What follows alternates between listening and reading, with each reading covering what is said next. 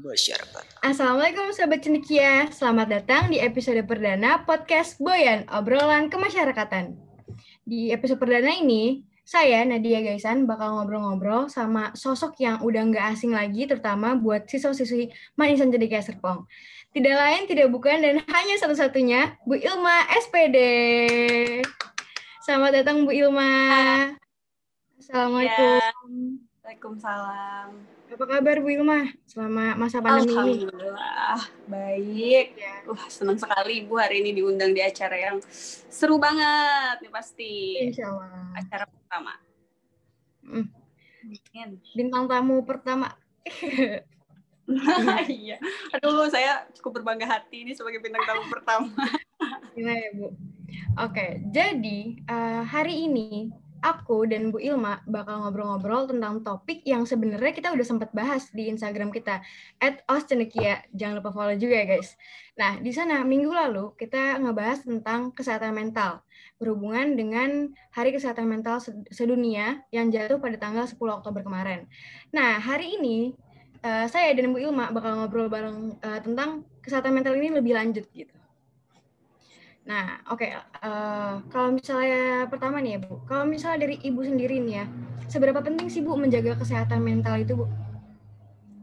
Kalau menurut Ibu, ya tentu saja itu penting banget ya. Apalagi mungkin Ibu juga kan termasuk ke dalam eh, bidang-bidang yang psikologi-psikologi juga karena di selama perkuliahan Ibu juga belajar soal psikologi. Karena kesehatan mental itu kan sangat-sangat mempengaruhi kehidupan kita sehari-hari ya. Jadi kita harus tetap menjaga kesehatan mental kita agar kita bisa tetap produktivitas seba- agar kita tetap bisa menjaga produktivitas kita sebagai mahasiswa, sebagai manusia tentunya ya. Apalagi kalian sebagai pelajar gitu. Oh iya, buat teman-teman yang belum tahu, ini Bu Ilma adalah salah satu guru BK di Man Insan Cendekia Serpong yang mengajar bimbingan konseling kelas 10 ya, Bu. Jadi saya juga muridnya Bu Ilma, diajar BK sama Bu Ilma. Anak-anak kelas 10 kalau misalnya udah jam BK itu senang-senang banget ya, Bu. Karena jamnya tuh asik gitu, Zoom-nya santai, ngobrol-ngobrol sama Bu Ilma. Nah, saya juga setuju banget sama jawaban Bu Ilma. Em- Memang penting gitu ya Bu menjaga kesehatan mental kita ini karena sama halnya dengan menjaga kesehatan fisik gitu kan ya Bu. Karena ngaruh ke cara kita berpikir, ngaruh kita ke eh, ngaruh ke tindakan kita juga gitu ya Bu. Nah, eh, tapi kan eh, kita sebagai manusia tentu saja pasti pernah ngelewatin yang namanya mental breakdown atau titik di mana kita ngerasa lagi down banget gitu ya Bu saya sendiri sering mengalami itu gitu. Kalau ibu sendiri punya nggak bu pengalaman mental breakdown ini eh, menghadapi suatu hal yang, aduh ibu sampai kayak ngerasa tertekan banget gitu. Terus gimana bu cara ibu ngelewatin hal ini gitu pada saat itu? Hmm. Kalau itu sih ibu pernah waktu SMA mungkin ya seumuran kalian. Jadi emang masa-masa kritisnya itu ketika kita remaja. Ketika kalian remaja itu pasti ngerasa kalau banyak hal yang nggak bisa kalian lewatin atau nggak bisa kalian jalani gitu. Jadi saat itu eh, ibu kelas 2 SMA, ibu ngerasa eh, lagi nggak bisa banget untuk menjalani kehidupan sehari-hari karena waktu itu ada beberapa masalah di organisasi karena waktu itu ibu kebetulan ketua organisasi pramuka. Waduh, mantap. Jadi ada konflik, mm-mm, ada konflik sama osis. Terus akhirnya kita ya biasalah konflik-konflik SMA gitu. Terus ibu ngerasa kalau ibu nggak bisa menjadi ketua, ibu nggak bisa menjalani kehidupan ini. Terus ibu pengen pindah sekolah lah kan. Kalian juga suka pikir kalau pindah sekolah adalah salah satu solusi untuk menghindari permasalahan yang nggak bisa dijalani. Tapi sampai akhirnya ibu ikut eh, apa ya kayak motivasi-motivasi gitu kan di sekolah selalu ada pasti. Sebenarnya banyak hal yang bisa bikin kita kuat atau bisa ngebantu permasalahan kita asal kita mau mau nyari itu dan mau mendengarkan itu. Jadi ibu ikutan kayak training motivasi, terus ibu baca-baca buku yang self development. Akhirnya ibu sadar bahwa permasalahan seperti ini pasti akan dihadapi lagi ke depannya. Jadi kalau ibu lari, ibu nggak akan bisa punya kekuatan untuk menjalani ini. Akhirnya kalau ibu lari terus-terusan, ibu nggak akan pernah bisa melewati dan nggak akan pernah punya kekuatan. Akhirnya ibu jalani. Ibu coba untuk berdamai sama keadaan. Terus wow, anak SMA nih mau coba berdamai sama keadaan. Terus ibu juga mencoba untuk menguatkan diri karena banyak hal yang di belakang ibu yang pernah ibu lewatin lebih dari ini gitu. Jadi ibu yakin pasti ibu bisa. Itu dia. Keren baca buku sih. Iya benar-benar bu. Terus ibu pernah nggak sih bu kayak ngerasa atau ngalamin juga kalau misalnya lagi mental breakdown gini, itu tuh kadang kita susah untuk mengidentifikasi perasaan kita sendiri gitu loh bu. Kita kadang juga kebingungan gitu. Uh, sebenarnya kita itu kenapa gitu dan butuh solusinya apa gitu. Nah kalau misalnya dari ibu sendiri uh, dari sudut pandang psikologis ini ya bu, itu gimana sih bu keadaan kayak gitu? Keadaan seseorang kalau ngalamin kayak gitu? Uh, sebelum ibu jawab, uh, ibu kan belajar psikologi itu mungkin nggak seperti orang psikolog yang ahli atau profesional di bidang ini ya. Jadi ibu belajar mungkin nggak banyak, sisanya paling ibu kembangin sendiri dari buku-buku yang ibu baca atau dari ya informasi-informasi media lah ya. Kalau untuk kita kan kadang bingung nih, sekarang nih kita sedang mengalami apa, terus kita bener lagi sehat atau enggak sih mentalnya gitu. Sebenarnya kan kalau dari psikologi atau dari WHO sendiri, eh, kita itu nggak ada namanya penyakit mental. Jadi adanya sehat atau adanya gangguan paling. Nah, gangguan-gangguan ini mungkin bisa diklasifikasikan lagi. Ini gangguannya sudah cenderung berat atau masih ringan-ringan aja atau masih daily.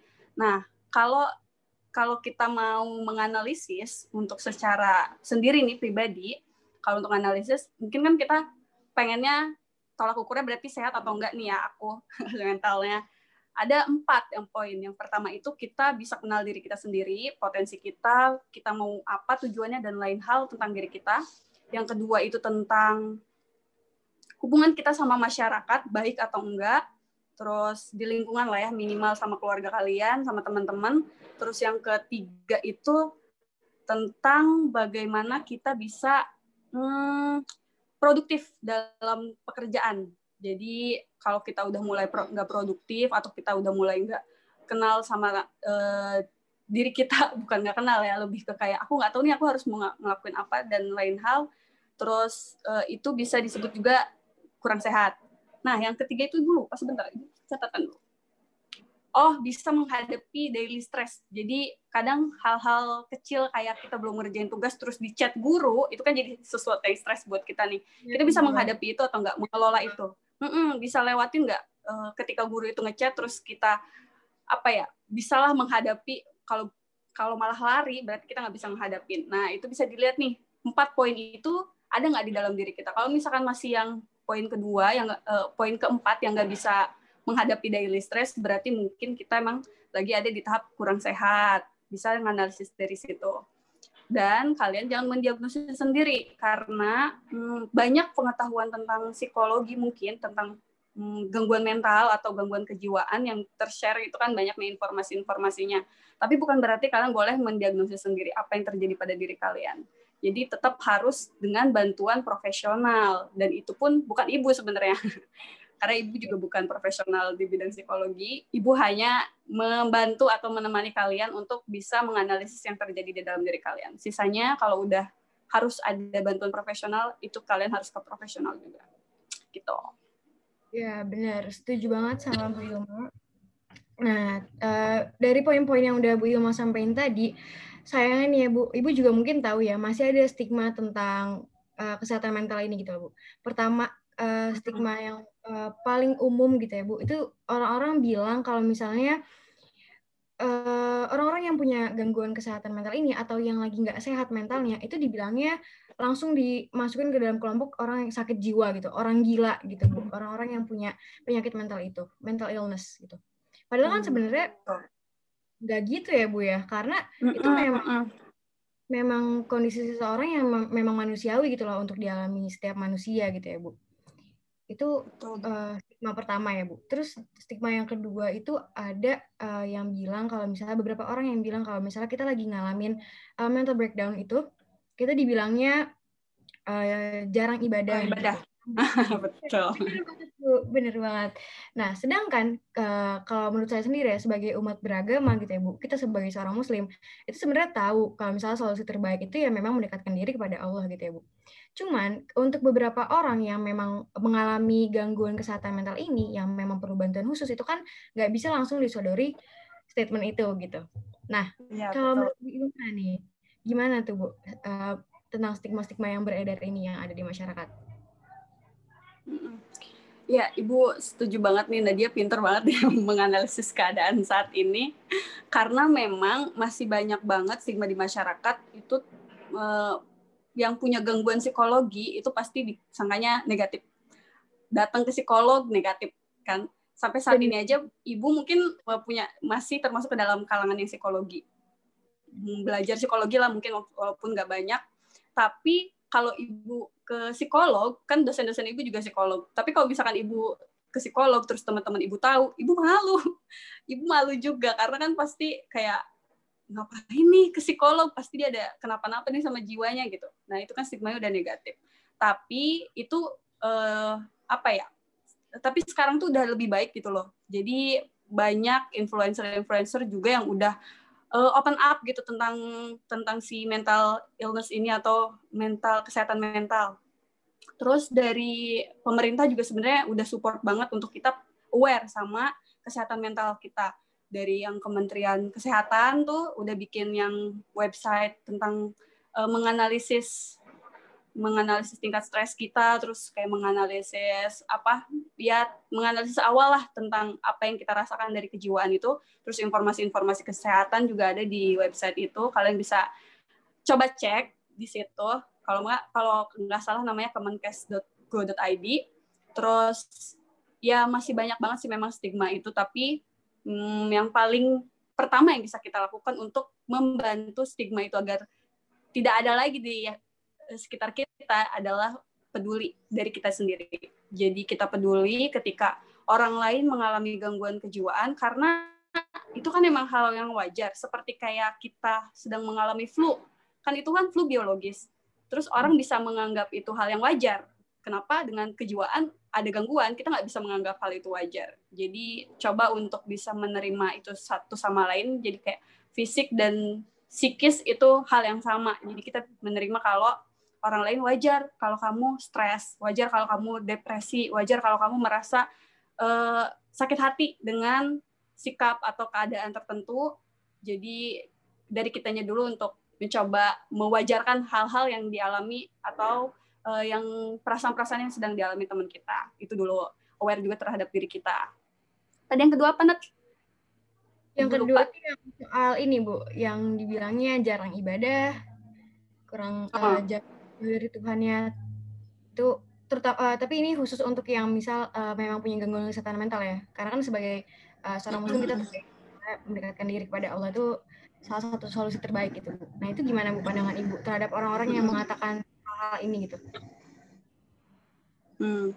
kalau menurut ibu kan semua orang tahu ya kalau untuk hmm, apa ya kita kan umat beragama nih, khususnya untuk yang beragama ya. Jadi mendekatkan diri kepada Tuhan atau kepada Allah itu kan emang sesuatu yang harus dilaksanakan dan pasti mereka juga punya uh, apa ya usaha tertentu dalam ibadah mereka. Jadi mereka pasti punya pikiran itu.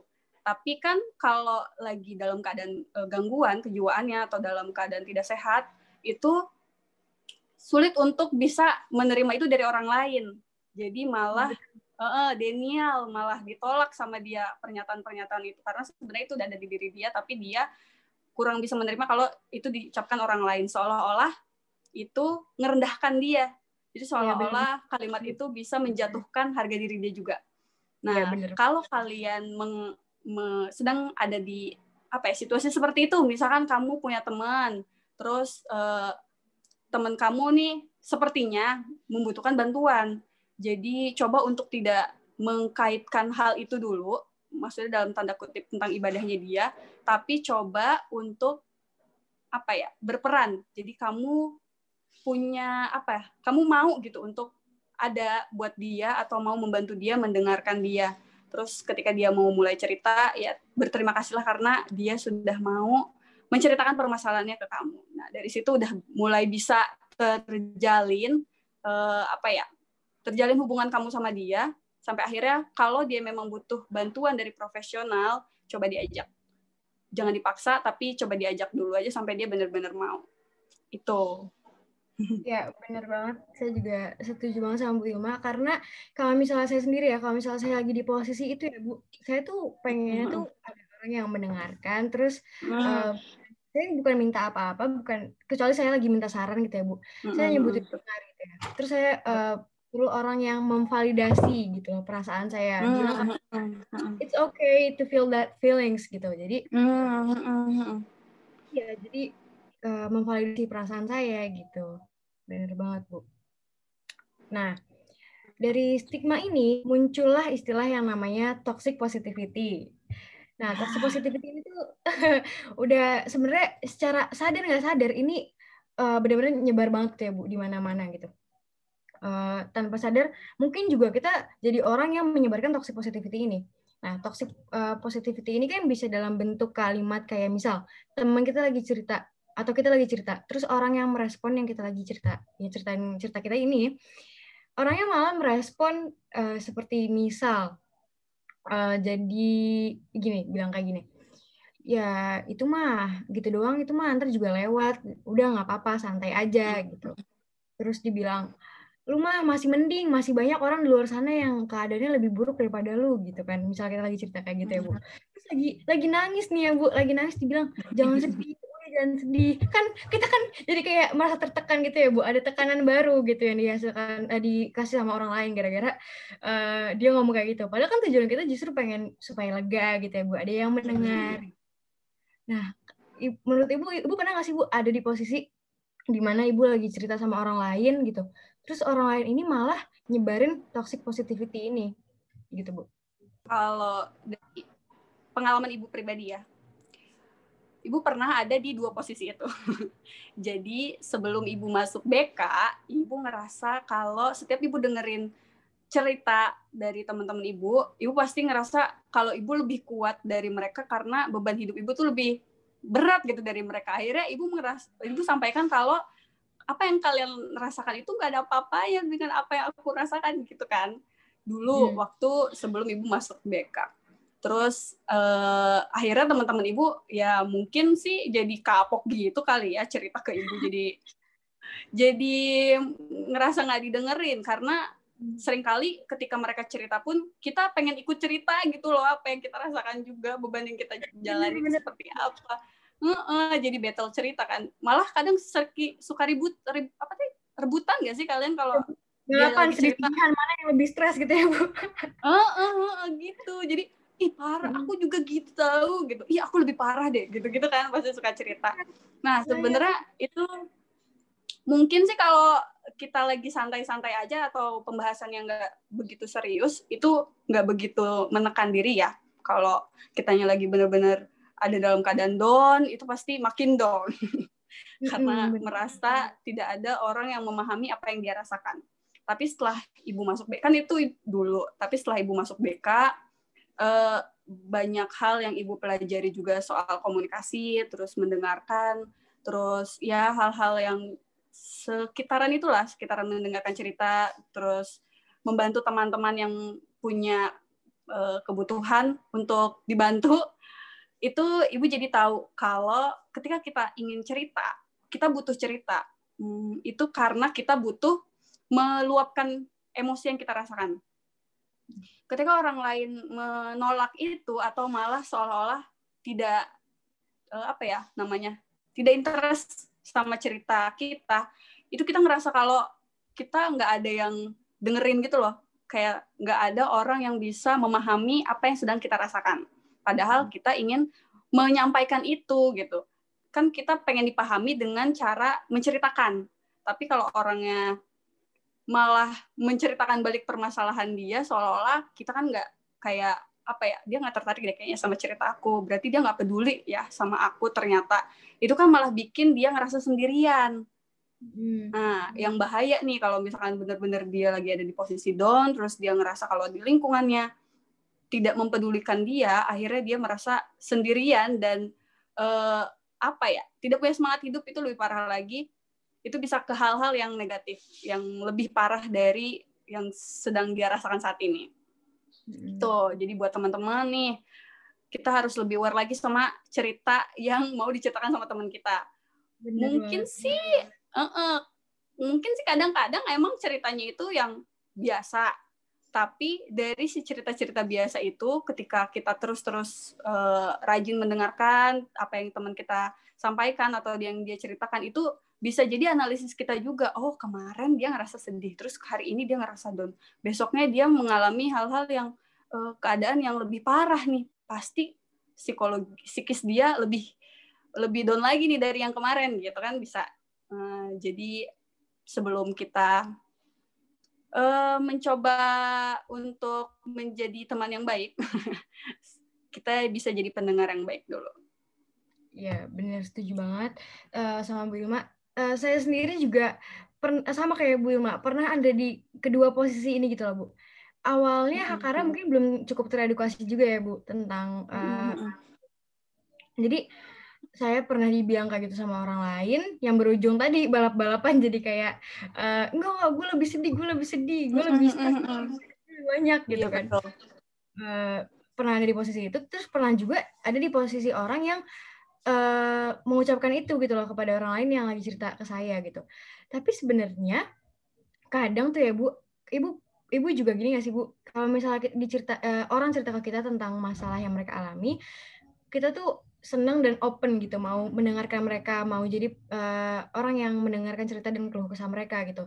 Tapi kadang ada poin-poin atau posisi di mana kita itu tuh bingung gitu mau merespon apa dari cerita mereka. Jadi yang keluar tuh kata-kata itu lagi itu lagi gitu. Semangat ya hmm. gitu yang keluar itu lagi gitu kan bu.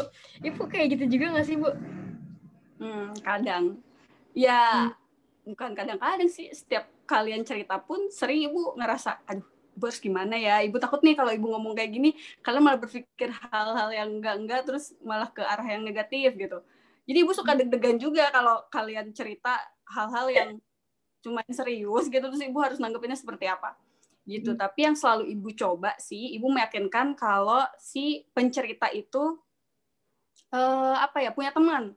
Jadi hmm. ibu uh, apa ya kita sebagai pendengar tuh setidaknya kalau kita bingung kita harus ngasih solusi apa kita sampaikan ke dia kalau dengan cerita kan emang bisa bikin kita lebih lega. Nah, sisanya apa pun yang kamu lakukan itu pasti aku akan dukung.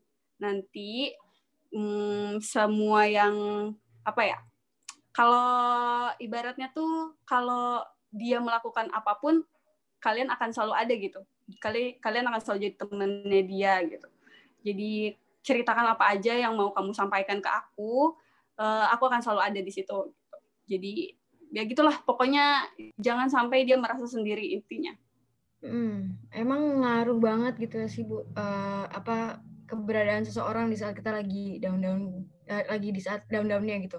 Lagi mental breakdown terus ada orang lain di sisi kita tuh uh, di sisi kita tuh jadi merasa lebih mudah gitu loh kita mm -hmm. uh, benar banget. Ya, lebih berharga ya betul sekali Uh, nah, dari situ ini muncul uh, terutama kalau misalnya dari remaja ya Bu. Ini sebenarnya ini banyak sih yang ngalamin juga. Cuman khususnya dialami remaja-remaja ini hal yang mengancam mengancam nggak tuh? Yang mengancam kesehatan mental kita itu salah satunya insecure Bu. Insecure ada banyak hal di dunia ini gitu. Kayak uh, membandingkan diri sendiri dengan orang lain gitu Bu. Itu tuh capek banget gitu loh bu. Kadang tapi mau dihindarin tuh susah banget gitu. Karena ngelihat orang lebih lebih lebih dikit aja dari kita itu jadi langsung kayak eh kok uh, kok aku nggak kayak gini ya? gitu. Jadi langsung ngerasa kayak gitu gitu loh bu. Ibu pernah nggak sih bu ngalamin kayak gitu juga bu? Sering kayak ibu juga sering kok uh, uh, karena katanya sih memang itu tuh permasalahan milenial. Jadi kalau yeah. generasi milenial saat ini tuh yang booming tuh masalah insecure, mm -mm. anxiety, itu hal-hal uh, penyakit, ah, bukan penyakit dong, gangguan-gangguan yang sering banget dialami sama generasi milenial. Hmm. Ya ibu masih generasi milenial seperti kalian. Jadi untuk mengatasi itu uh, salah satunya ya dengan kita cerita juga apa yang kita rasakan mungkin ke orang lain terus kita ber apa ya melihat ke belakang diri kita loh hal-hal yang sudah kita lewatin hal-hal berat bahkan yang sudah kita lewatin itu bisa jadi kekuatan juga buat diri kita oh kemarin aja aku ngalami ini terus aku bisa. Berarti aku bagusnya dalam hal ini dong gitu. Jadi setidaknya ada hal yang bikin kita merasa bahwa kita punya kekuatan lain. Mungkin sih aku nggak sekaya dia atau mungkin sih aku nggak secantik dia tapi nggak apa-apa. Itu kan hal yang wajar yang nggak bisa kita atur gitu dari awal. Nah kalau kalian melihatnya dari hal-hal fisik biasanya kan fisik juga nih yang bikin insecure kita kembali lagi ke agama deh. Coba kita kaitkan. Kalau agama aja memberikan kita untuk uh, apa ya mengajarkan kita untuk selalu bersyukur apa yang kita punya tentunya. Tapi ada hal di dunia ini nggak bisa kita pilih dong. Kita mau lahir dari siapa kita mau lahir sebagai wanita atau pria, terus kita mau lahir sebagai tubuh yang seperti apa atau muka yang seperti apa, fisik yang seperti apa itu kan nggak bisa kita pilih. Jadi itu adalah sesuatu yang harus kita syukuri juga karena ya itu kan sudah takdir yang tidak bisa kita ubah. Terus mau gimana lagi? Jadi kita mensyukuri apa yang kita punya, cari hal positif yang sudah kita lewati sebelumnya, uh, jadi kekuatan kita. Jadi nggak apa-apa aku punya visi seperti ini, tapi aku punya Eh, kesabaran yang bagus misal tapi aku punya apa komitmen yang bagus untuk aku bisa lebih baik dari kemarin jadi hal-hal yang positif yang kita harus terapin dalam diri kita. Selalu bersyukur. Kalau ada hal-hal yang bisa bikin kalian insecure itu bisa kalian hindari. Kalian berhak banget untuk menghindari hal-hal yang bisa jadi toxic buat kalian. Kalau misalnya lihat selebriti A atau B atau teman kalian yang uh, bisa bikin kalian malah merasa tidak nyaman atau malah berpikir negatif, itu kalian boleh blok atau hide atau semua Instagram misalnya isinya bisa bikin kalian insecure, kalian bisa boleh uninstall itu. Itu berhak banget. Kalau kalian gak mau ada sosial media atau kalian gak mau buka YouTube atau kalian tidak mau posting tentang diri kalian atau hal-hal pribadi itu boleh banget itu kalian berhak jadi nggak perlu punya pikiran kalau kalian harus selalu aktif di medsos atau kalian selalu harus follow orang-orang yang famous itu nggak perlu kalau itu bisa bikin kalian merasa terus-terusan insecure. Jawaban ya, jawaban Bu Ilma keren banget barusan uh, setuju sama Bu Ilma terus uh, tambahan juga nih ya Bu. Kadang tuh ya social media tuh emang benar-benar bisa toxic itu gitu ya Bu buat kesehatan mental. Uh, terutama saya sendiri nih ya Bu. Kadang tuh saya sering saya dari dulu sering banget yang namanya uh, ini nge-disable akun Instagram. Jadi nge-deactivate akun Instagram gitu, Bu. Karena uh, capek gitu ngeliat orang, ngeliat kehidupan orang, terus jadi jatuhnya ngebandingin sama diri sendiri gitu. Padahal kan yang ditunjukin sama orang-orang di sosial media itu ya enaknya hidup mereka gitu. Nggak tahu di baliknya supaya dapat enaknya itu apa gitu. Sedangkan kita di sini yang ngeliat dari layar HP ngebandinginnya ke kebaikan mereka yang mereka tinggi tingginya sama keburukan kita yang lagi down downnya gitu kan bu ngebandingin itu enggak enggak enggak sebanding hmm. gitu seimbang iya makanya ngebandingin mereka yang bagus uh, bagusnya mereka sama jeleknya kita gitu kan. Jadi itu enggak sehat banget ibu. Sampai uh, gitu untuk beberapa orang perlu yang namanya uh, social media detox gitu. Jadi de uh, detox dan istirahat dari sosial media gitu. Ibu juga kayak gitu nggak bu? Kayak istirahat dulu gitu nggak buka uh, Instagram misalnya. Kalau untuk setelah kerja sih ibu nggak terlalu aktif banget ya di sosial media karena ibu lagi menikmati pekerjaan ibu nih. Jadi ibu nggak punya nggak begitu banyak waktu gitu untuk uh, stuck gitu banyak uh, scroll scroll scroll sampai berjam-jam itu udah udah jarang banget ibu lakuin. Akhirnya ibu jadi kadang sih emang negatifnya mungkin ibu kudet gitu ya kurang informasi terkait hal-hal yang lagi booming di Instagram atau lagi di TikTok atau di YouTube gitu tapi ibu merasa nggak masalah karena itu tidak terlalu banyak berpengaruh di hidup ibu jadi sekarang-sekarang sih nggak apa ya ibu nggak sosial media banget gitu sesekali mungkin emang ada momen yang emang ibu pengen posting karena untuk apa mengenang karena kan kalau hmm. di Instagram itu kan ada story itu yang diarsip itu kan jadi kenangan banget ya. Itu dari 2017 kalau nggak salah si Instagram bikin fitur itu. Nah semenjak itu tuh ibu jadi sering banget untuk nge-capture atau mengabadikan momen-momen yang menurut ibu akan selalu ibu kenang gitu. Jadi ibu nggak mau kehilangan momen itu. Akhirnya ibu coba pakai Instagram hanya buat itu kadang-kadang. Jadi kalau lagi bikin status atau ibu butuh informasi terkait yang adanya akunnya cuma di Instagram gitu, jadi ibu buka. Atau ya mungkin Instagram BK kalau kalian bisa lihat Instagram BK juga nggak terlalu begitu aktif sekarang karena ibu emang nggak begitu aktif banget di Instagram gitu. Ya semoga sih semoga sih kalian bisa mengambil hal positif dari si sosial media itu. Ya, bener banget. Jadi buat kalian-kalian juga nih ya yang ngerasa udah perlu banget nih yang namanya rehat dulu dari sosial uh, dari sosial media. Boleh banget langsung tinggalin aja semuanya, fokus sama kehidupan nyata kalian, hmm. uh, nikmatin apa yang ada di sekeliling kalian gitu. Main sama keluarga dan lain-lain. Banyak gitu alternatifnya selain main media sosial. Nah, um, lanjut lagi ke pembahasan kita selanjutnya. Ini sekarang yang lebih dekat gitu ya Bu uh, halnya. Jadi uh, terutama ini ya saya sedikit curhat sebagai seorang pelajar gitu ya Bu, apalagi sebagai siswaman insan cendikia Serpong itu sungguh-sungguh tidak mudah gitu ya Bu. Sangat-sangat tidak mudah. Apalagi lagi online gini ya kan.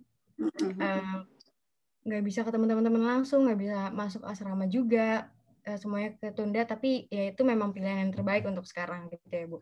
Nah itu tuh kadang ya Bu ya, ter terutama saya nih ya, sekarang jauh lebih nge-insecurein pelajaran gitu Bu, tugas-tugas sama kemampuan otak sendiri gitu jadi jadi kadang tuh ngelihat temen-temen yang waduh uh, misal nih aduh ini uh, kalau misalnya Bu Eli nonton video ini Bu Eli tuh kalau ngejelasin tuh enak banget gitu ya maksudnya detail gitu ya Bu ya uh, tapi kadang saya tuh tetap perlu uh, apa penjelasan lebih lanjut dan juga saya perlu belajar dulu. Sedangkan ada nih teman saya yang, waduh, baru dijelasin sekali udah langsung nyambung gitu sama Bu Eli, udah kayak sohib aja kita udah kayak temenan ngobrolnya, lancar banget gitu kan ngebahas materi. Sedangkan saya di sini tuh kayak harus berjuang dulu latihan lagi gitu kan, baca lagi gitu uh, tentang materinya gitu. Nah itu tuh kadang saya suka insecure sendiri gitu loh Bu sebagai seorang pelajar gitu. Karena ngebandingin saya sama orang lain itu yang langsung bisa Nah, itu Ibu gimana Bu nanggepin pelajar-pelajar yang uh, mengalami hal ini, Bu? Ibu selalu bilang sih setiap kali ada kalian yang datang ke Ibu dan menjelaskan bahwa aku insecure, Bu, teman aku di kelas bisa nanya ke Bu A, B gitu. Padahal pelajarannya kita nggak, aku sama sekali nggak ngerti materinya dan lain hal gitu kan. Itu sering banget Ibu dengar dan Ibu selalu bilang kalau kalian gak sendirian. Karena memang di situasi seperti ini uh -uh, di situasi seperti ini tuh hmm, apa ya kita nggak bisa benar-benar optimal gitu menjalankan pembelajaran itu. Bisa jadi apa yang ditanyakan oleh teman kamu juga emang itu hal yang nggak dia ngerti akhirnya dia mencoba untuk speak up. Mm -mm ke gurunya langsung atau kalau tadi dicontoh ke Bu Elinya langsung karena mungkin dia nggak tahu di bagian ini nih di part ini atau sebenarnya banyak part tapi yang dia tanyakan tuh cuma part ini doang gitu. Terus dia ya ya ya aja juga mungkin uh, sampai akhirnya mungkin dia juga ngerasa nggak terlalu optimal gitu memahami itu. Jadi kalian jangan sendirian. Yang harus kalian optimalkan ketika kalian memang ada di dalam suatu pembelajaran kalau kalian mau tanya tanyakan hal yang memang nggak kalian ngerti atau materi yang bagian mana yang kalian nggak ngerti itu ditanyakan aja. Ketika kalian dalam proses pembelajaran itu masih kurang gitu waktunya, misal uh, kalian bisa kok belajar lagi di luar jam pembelajaran dan janjian gitu sama gurunya gitu. Jadi jangan apa ya berpikir kalau kalian nggak ngerti sendirian. Pasti teman-teman kalian juga nggak sepenuhnya bisa memahami gitu. Pasti uh, ada bagian yang kamu tahu teman kamu nggak tahu. Terus ada bagian hmm. yang teman kamunya paham gitu dan bagian itu kamu nggak paham gitu. Kamu coba bagian A atau B-nya aja yang paham teman kamu yang C dan D. Nah di situlah uh, fungsi dari diskusi itu ada. Jadi kalian coba untuk sharing ke teman hal apa yang kamu pahamin uh, atau hal apa yang bisa kamu sharing ke aku gitu. Aku cuma ngertinya bagian-bagian bagian ini. Emang bener gak sih coba kita diskusi? Gitu. Itu kan jadi bisa apa ya hmm, simbiosis mutualisme di antara kalian. Hmm. Nah, ini juga kadang nih Bu, lucunya antara lucu dan miris ini sebenarnya. kadang itu ada beberapa materi yang dijelasin diterangin. Saya merhatiin. Terus habis itu ditanya sama gurunya ada yang ingin ditanyakan? Terus kadang di situ saya bukannya nggak mau nanya tapi justru bingung apa yang mau ditanya gitu iya bener banget. Bener banget. Sebenarnya cengok gitu jadinya. Kayak ada nih yang mau ditanyain tapi apa ya? Gitu. Apa masih dipikirin gitu apa yang mau ditanyain gitu. Jadi kadang jadi melewatkan kesempatan itu gitu loh untuk nanya langsung gitu bu. Apalagi sekarang kan komunikasinya jadi susah ya bu gara-gara online kayak gini. Guru-guru juga pasti lebih sibuk. Banyak yang diurusin di rumahnya kan. Jadi susah juga untuk nggak um, enak juga untuk mengganggu waktunya kalau misalnya saya ada banyak nanya gitu misal. Gitu sih. Hmm. Nah, di sini tapi, tapi poinnya fungsi diskusi tadi itu kan ya Bu ya. Diskusi uh, uh, atau atau kalian bisa cari dari media lain. Jadi hmm. mm, memang kan si fungsi dari pembelajaran langsung itu di sekolah pun itu sebagai stimulus kalian untuk bisa menggali lebih materi itu. Jadi kalau hmm. misalkan kalian nggak ngerti atau ada beberapa bagian atau materi itu yang kalian nggak paham, kalian bisa kembangin itu dengan cara belajar dari media lain. Justru sekarang kalian punya banyak banget media untuk bisa kalian dapetin informasi itu. Kalian bisa buka YouTube, kalian bisa buka uh, apa ya, ebook-ebook yang membahas tentang si materi itu, itu jadi malah lebih apa ya? Kalau kalian lebih mempelajari sendiri nih, kamu kan udah tahu nih base-nya dari guru misal terus kalian belajar lagi dari ebook atau dari YouTube itu tuh bener-bener bisa lebih nempel nggak sih karena hmm. kalian memahami itu oh pantesan tadi Bu Eli jelasinnya seperti ini tadi mah aku belum paham ternyata setelah aku baca ebook itu atau aku lihat di YouTube jadi maksudnya gini oh iya ya gitu kan itu jadi lebih apa ya biasanya tuh lebih dapat lah daripada kalian hmm, dap, apa ya dari proses pembelajaran itu sendiri. Jadi kalian bisa kembangin sendiri deh media yang bisa kalian manfaatkan untuk mengembangkan si pembelajaran itu.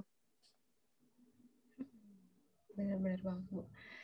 Nah, sebenarnya saya juga setuju banget sama Bu Ima tadi uh, di poin yang kita memanfaatkan, bukan memanfaatkan sih. Kita ini kan terutama nih siswa-siswi main ya, wah semuanya pinter-pinter gitu ya Bu, jadi berkumpul hmm. di satu tempat. Uh, jadi memang media diskusi itu ya Bu itu memang berguna banget ya sangat membantu gitu. Terutama bagi saya sendiri juga itu benar-benar ngebantu banget gitu ya diskusi sama teman dijelasin sama teman gitu. Tapi nih ya Bu uh, pada kenyataannya tuh kadang kita sering dihadapi dengan anak-anak uh, yang istilahnya gini lah Bu merendah untuk meroket gitu Bu.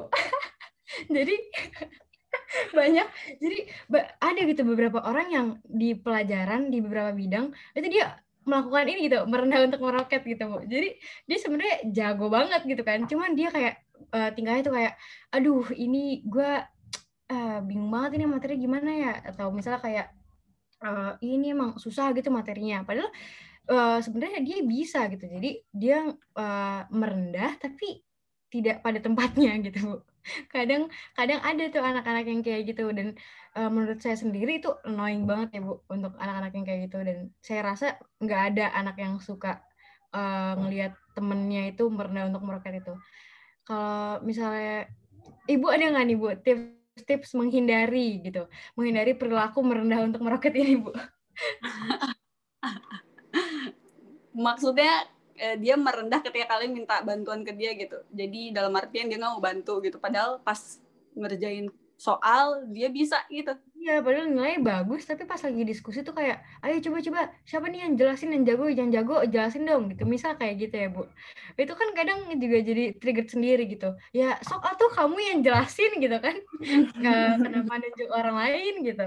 Nah, itu kadang-kadang yang saya juga uh, masih uh, berusaha untuk menerima keadaan seseorang yang memiliki sikap kayak gitu. Tapi ibu ada nggak sih bu tips-tipsnya supaya kita nggak jadi orang yang kayak gitu bu? ya itu kita mau untuk sharing dulu. Kalau kita untuk menghindari hal seperti itu ya, kita coba untuk bisa uh, apa? Mungkin sih tapi nggak semua orang ya bisa menjelaskan gitu karena dia juga kadang nggak aku nggak tahu cara menjelaskan itu kayak gimana atau dia malah takut untuk teman-teman aku nggak ngerti nanti kalau aku jelasin aku malah dibully dan lain hal. Itu juga bisa jadi kekhawatiran-kekhawatiran yang akhirnya mereka nggak nggak begitu open up gitu untuk mm, sharing. Nah, kalau kamu ada di posisi itu ya coba untuk bisa niatin berbagi aja dulu. Sebisanya, menjelaskan sebisanya yang kalian pahami. Atau kalau mau dipancing ya coba untuk kayak aku ngertinya materi yang part A atau B, menurut kamu itu bener nggak kayak gitu? Nah, kalau kayak gitu kan bisa. Jadi dia bisa ngoreksi, misal kalau nggak yang jelasin langsung A, B, C, D itu seperti ini. Tapi dia bisa coba untuk, kalau sepemilik kata aku sih nggak gitu, gitu. Tapi coba kayak gini, kayak gini. Nah, itu kan bisa. Tapi kalau ada kita ada di posisi Nah dia nih misalkan yang menemu temennya yang seperti itu, yang udah bersikap seperti itu, ya nggak apa-apa.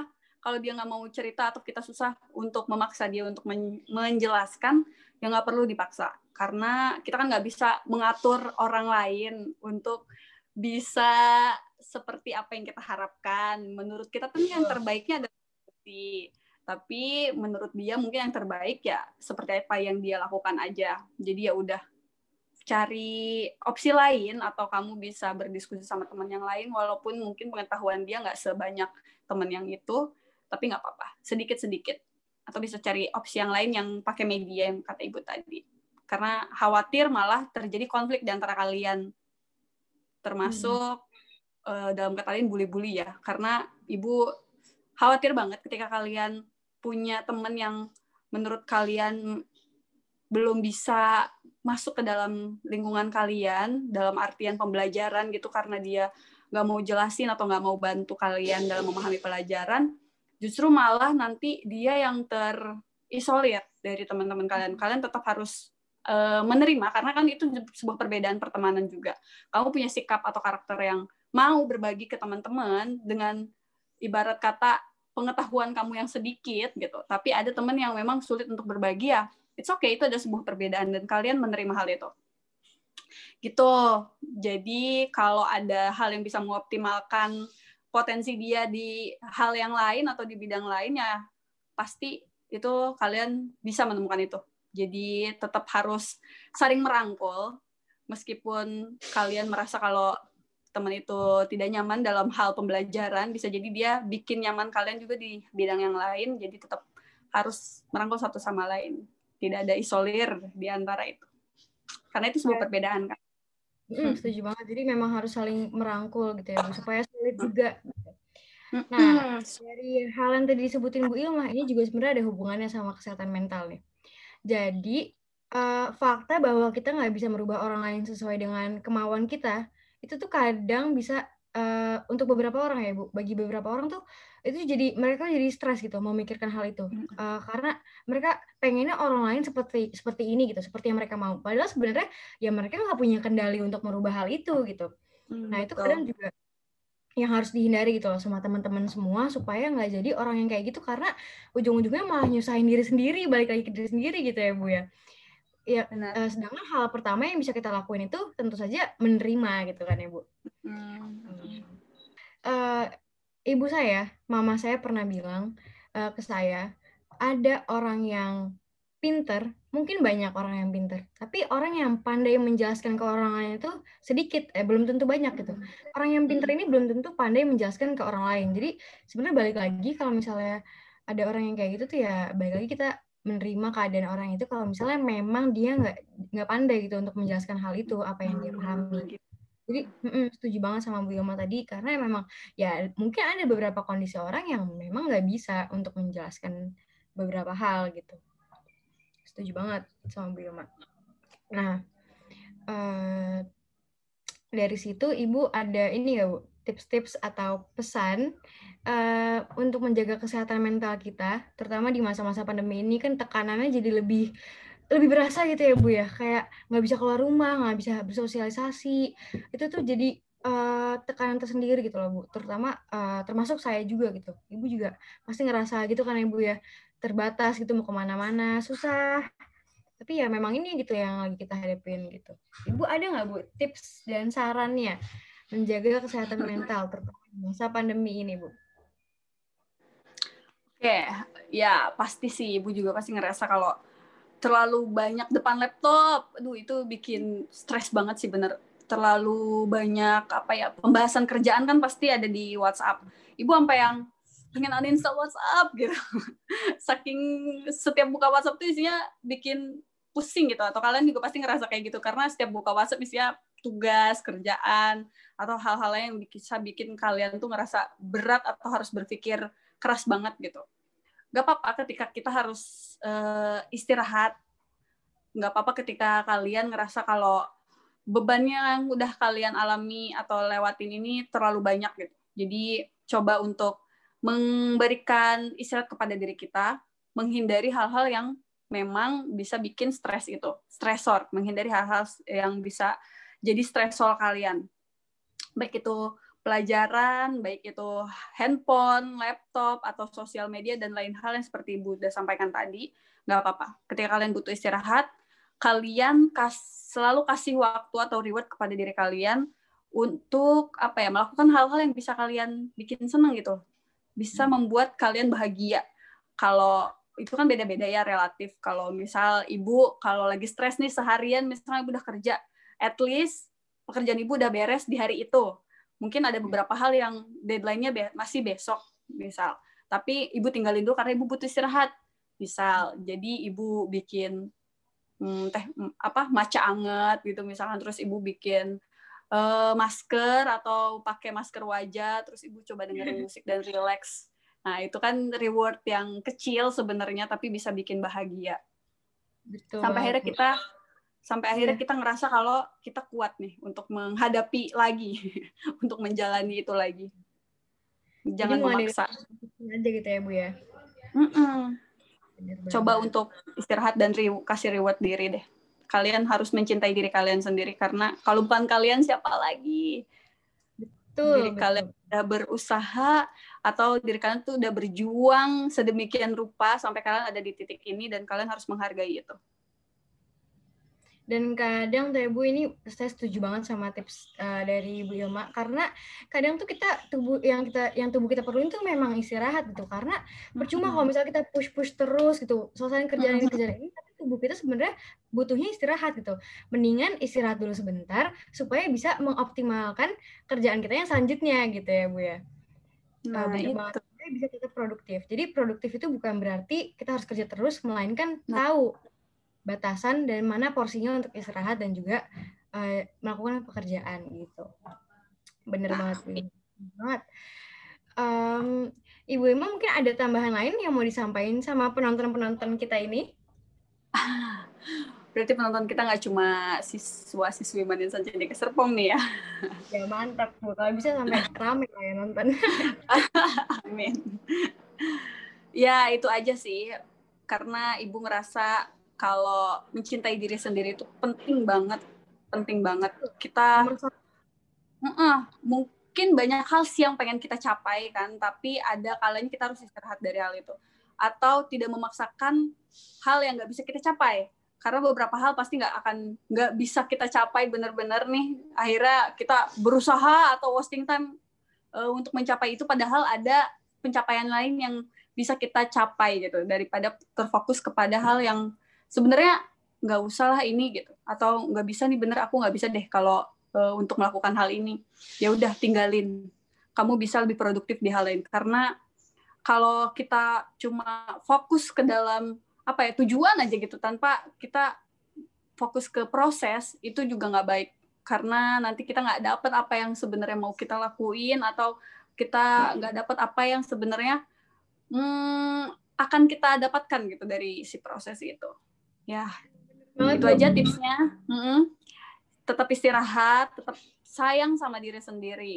Dan ya itu produktif butuh istirahat. Jadi jangan terlalu mempush diri. Semangat untuk semua yang ada di sini. Keren untuk banget. yang nonton. uh, nambahin juga dari aku buat uh, buat teman-teman yang lain. Coba pertama menerima diri sendiri dan jangan sekali-sekali berusaha untuk menjadi orang lain karena itu hmm. sia-sia nggak akan dapat apa-apa gitu jadi uh, jadilah diri kamu sendiri karena ya nggak ada kamu yang lain di dunia ini gitu Oke, jadi tips-tips dan juga saran dari Bu Ilma tadi sekaligus menutup podcast perdana kita episode pertama. Uh, ya, jadi Bu Ilma, oke. Okay. Ya. Nah ya, tips-tips dari Bu Ilma tadi sekaligus menutup podcast kita hari ini. Makasih banyak Bu Ilma udah uh, bersedia meluangkan waktunya untuk ikutan jadi bintang tamu episode perdana podcast Boyan. Yeay, terima kasih sudah mengundang aku. Terima banget Bu Ilma tadi. Tes uh, terus. Ya, Ibu juga Ibu juga sehat-sehat terus di rumah terutama selama masa pandemi, tetap jaga kesehatan, pakai masker kalau ke mana-mana. Buat teman-teman yang lain yang nonton juga jangan lupa tetap jaga kesehatan, ikutin protokol kesehatannya, tetap pakai ya. masker ya. dan nggak usah ke mana kalau misalnya emang nggak perlu-perlu banget gitu. Hmm, betul. Hmm, oke. Okay. Uh, bu, uh, oh ya buat yang nonton juga kalau misalnya kalian punya saran gitu topik apa atau kita harus ngundang pembicara siapa nih ya itu kalian bisa banget komen di bawah uh, next episode kita mau bahas tentang apa oke okay. uh, terima kasih buat yang udah nonton juga uh, jangan lupa di follow Instagram at Oscendekia subscribe juga YouTube-nya Eh, sampai ketemu di podcast Boyan episode selanjutnya. Wassalamualaikum warahmatullahi wabarakatuh. Waalaikumsalam warahmatullahi wabarakatuh. Dadah.